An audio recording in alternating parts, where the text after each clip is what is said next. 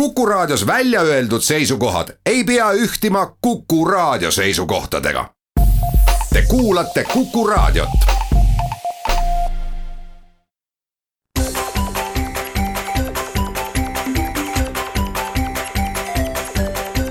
maksumaksja koostöös Eesti Maksumaksjate Liiduga. tere päevast, eetris on saade Maksumaksja, mikrofoni ees on Lasse Lehis täna räägiks sellisest teemast nagu bürokraatia. Eh, kuulub ka meie valdkonda mm, eh, bürokraatia vähendamine, maksumaksja halduskoormuse vähendamine mm, eh, ja, ja ka selle üle, selle jälgimine, et ametnikud maksumaksja raha eest mõttetustega ei tegeleks või vähemalt selliste mm, tegevustega, mis tunduvad maksumaksjale veidikene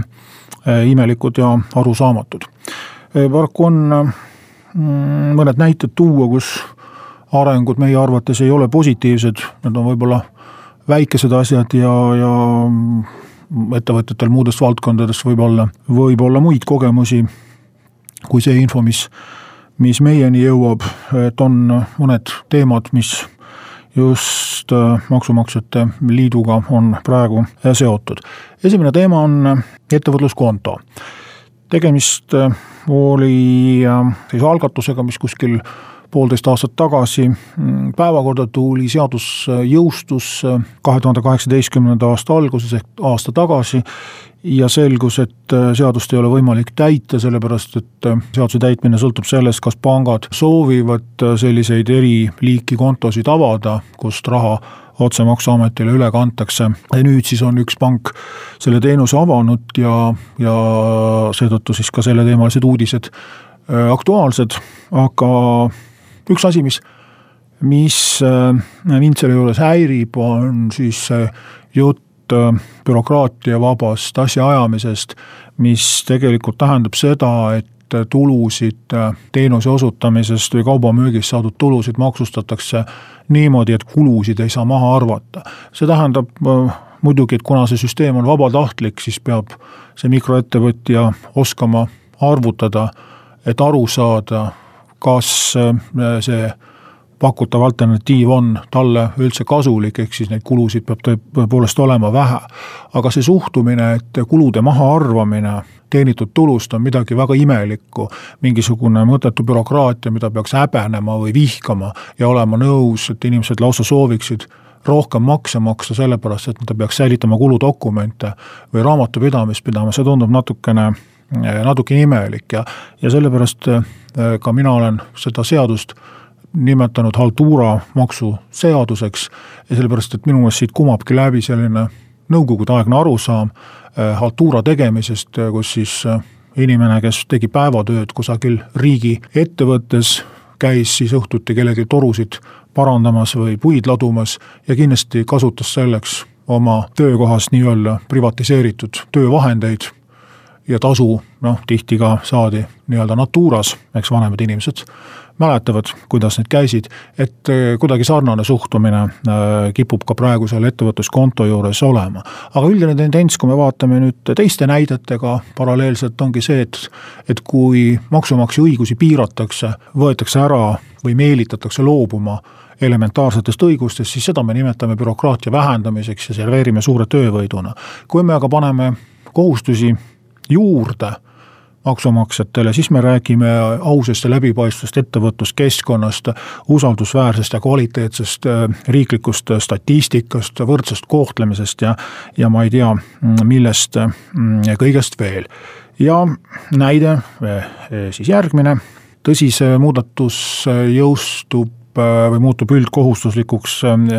juunikuust, aga võimalused on juba juba pikemat aega e-maksuametis olemas ja uute töötajate töölevõtmisel on e, mõistlik e, ka juba neid nii-öelda uusi rakendusi kasutada. jutt käib siis töötajate registreerimisest, nimelt siis e, kui kahe tuhande neljateistkümnendal aastal tuli kohustus kõik töötajad Maksuametis mm, arvele võtta enne tööle asumist, siis oli see eelkõige seotud ümbrikupalkadega, et siis kohapealsetel kontrollidel ei oleks enam neid nii-öelda esimest päeva tööl ole, olevaid inimesi, vaid maksuametil oleks info olemas, et inimene on ametlikult tööl ja siis tulemuseks vähemalt miinimumpalka äh, hakati ka ametlikult päris suurele hulgale inimestele mm, maksma, võrreldes selle perioodiga, kus seda registreerimiskohustust ei olnud. Äh, nüüd aga on äh, sekkunud väga paljud teised riigiasutused, kes kasutavad seda registreerimiskohustust enda huvide realiseerimiseks ja ärkas siis nüüd Statistikaamet, kes arvas, et võiks edaspidi töötamisel lisaks inimese andmetele, et äh, kus ta töötab, noh, noh, kus on siis inimese enda isikukood, nimi ja tööandja andmed, äh, võiks ka kirjutada selle, mis on tema täpne ametinimetus ja kus kohas asub tema töökoht, äh, kui kui tööandja tegutseb üle Eesti erinevatel aadressidel, et siis on ikka väga huvitav teada, Mm, äh, kes millises kioskis müüja on, kes millises äh, majas koristaja või valvur on või kes kuskil laeva, lennuki või auto peal töötab. ja räägitakse siis bürokraatia vähendamisest, nimelt selliseid andmeid, mm, just ametinimetused ja, ja töökoha asukohad on meil statistika aruannetes, ehk siis need tööandjad, suured tööandjad, kes peavad esitama statistika aruandeid, neilt igas aruandes seda infot nõutakse ja tulemus on see, et me saame teada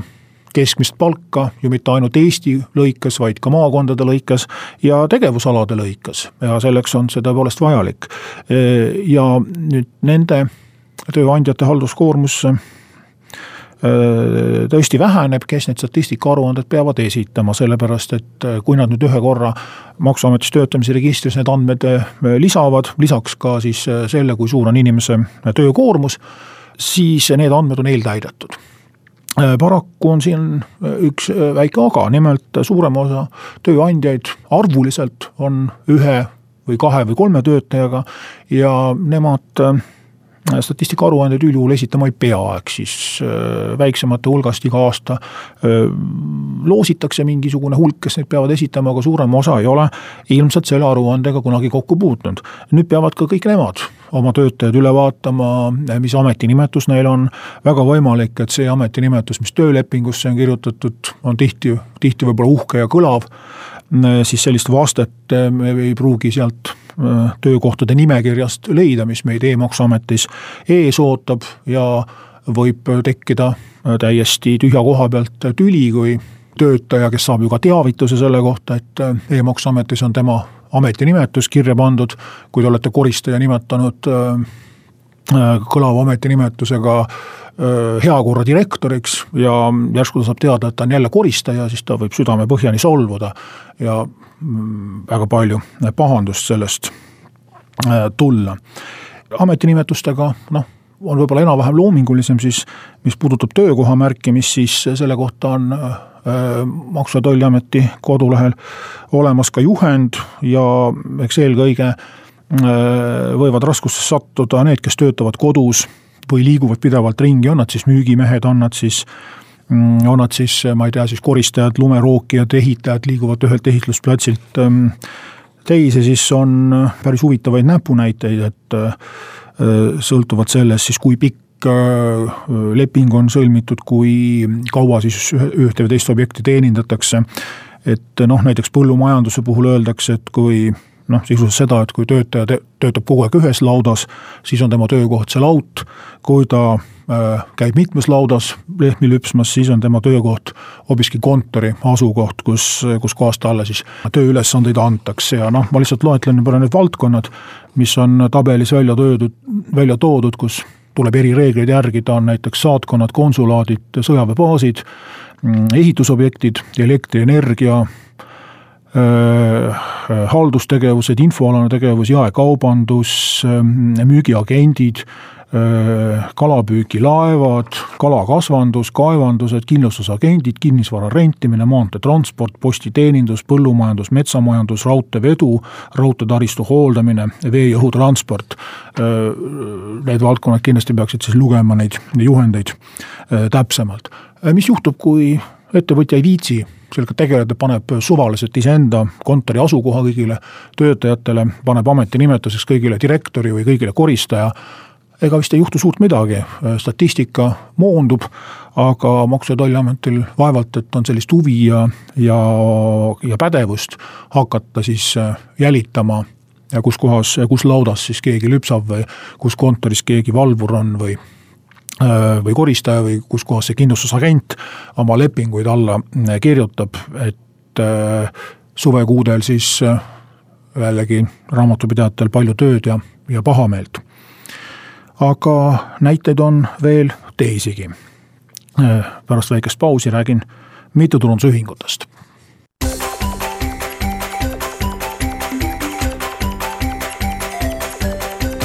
maksumaksja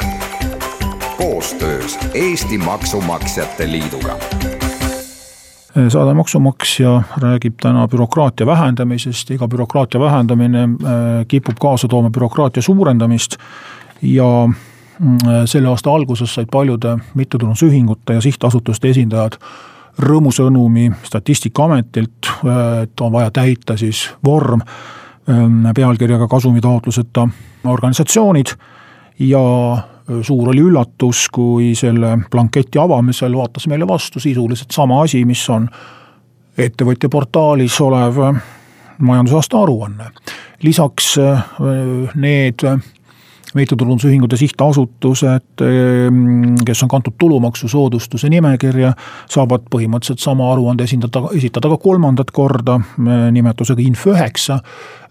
täpselt samamoodi siis kolmekümnendaks juuniks, et üks siis ettevõtja portaalis üles laadida, teine siis Statistikaametile saata ja kolmas Maksu- ja Tolliametile, loomulikult need vormid on kõik erinevad, küsitakse küll sarnast infot, aga liigendus on, on teistsugune, nii et ei saa põhimõtteliselt ka ühte faili lihtsalt mitu korda järjest mm, erinevatesse keskkondadele üles laadida, vaid neid andmeid tuleb ümber, ümber töödelda. Ja noh, võtame näiteks Äh, siis kulu, tulude-kulude mm, aruande, et tahetakse siis iga MTÜ ja sihtasutuse kohta teada, äh, palju siis saadakse äh, annetusi, need annetusi, mitte lihtsalt annetusi, vaid kui palju eraisikutelt, kui palju juriidilistelt isikutelt, kui palju Eestist, kui palju välismaalt, kui palju avalikult sektorilt. kui palju siis kaupade ja teenuste müügis, kusjuures tuleb eraldi loetleda nii kaubad kui teenused, mille osutamisega mm, tegeletakse, liikmemaksud, hooldustasud, samamoodi siis kulude jaotus, et näiteks ma ei tea, kui, kui palju peaks kedagi huvitama seda, kui palju Maksumaksjate Liit aastal kaks tuhat kaheksateist kulutas punkt üks elektrienergiale, punkt kaks kütusele, punkt kolm soojusenergiale, punkt neli veevarustusele, punkt viis üüri- ja rendikuludele, punkt kuus lähetustele, punkt seitse ostetud tooted, pooltooted, tooraine materjal, punkt kaheksa müügi eesmärgil ostetud kaubad, punkt üheksa müügi eesmärgil ostetud teenused, punkt kümme ostetud tööd ja teenused, punkt üksteist. Koolituskulud, punkt kaksteist. Liikmemaksud, punkt kolmteist. Riigilõiv, punkt neliteist. Riiklikud ja kohalikud maksud. pean ütlema, et mina töötades Maksumaksjate Liidu tegevjuhina, isegi mind ei huvita või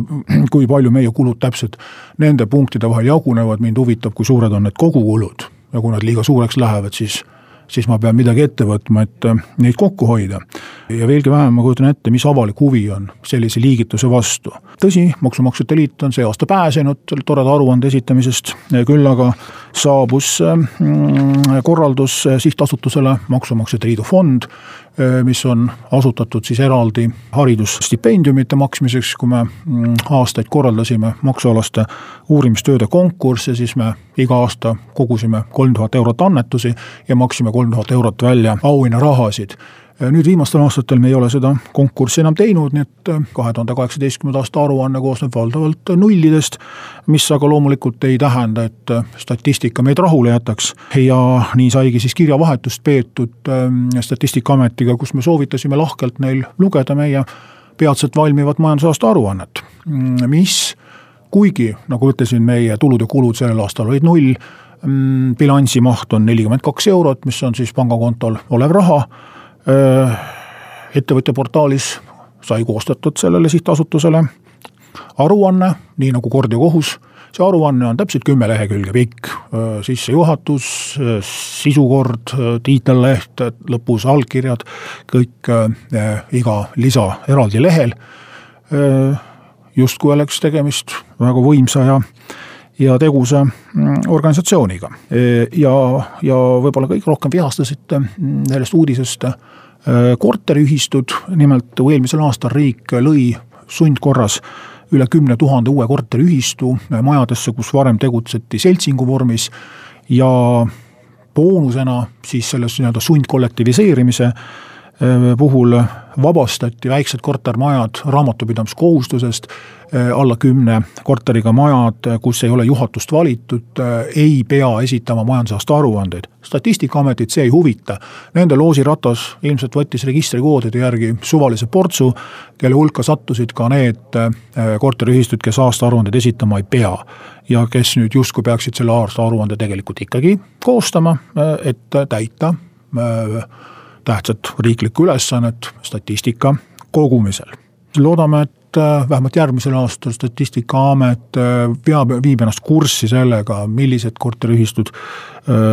on raamatupidamiskohustused, millised mitte ja veelgi enam tahaks teada, mis vajadus on üldse korteriühistutelt statistikat koguda. täpselt samamoodi võib ka küsida, miks vaja sihtasutustelt küsida liikmete arvu kohta infot, kui on teada, et sihtasutusel ei saa olla mitte ühtegi liiget. Need olid mõned näited, kindlasti on neid äh, igalühel veel tuua küll ja küll ja tundub, et äh, meil oleks vaja ikkagi hakata ametnike arvu kärpima, et sellistel rumalustele piiri ette saada. tänan kuulamast, kohtume taas nädala pärast.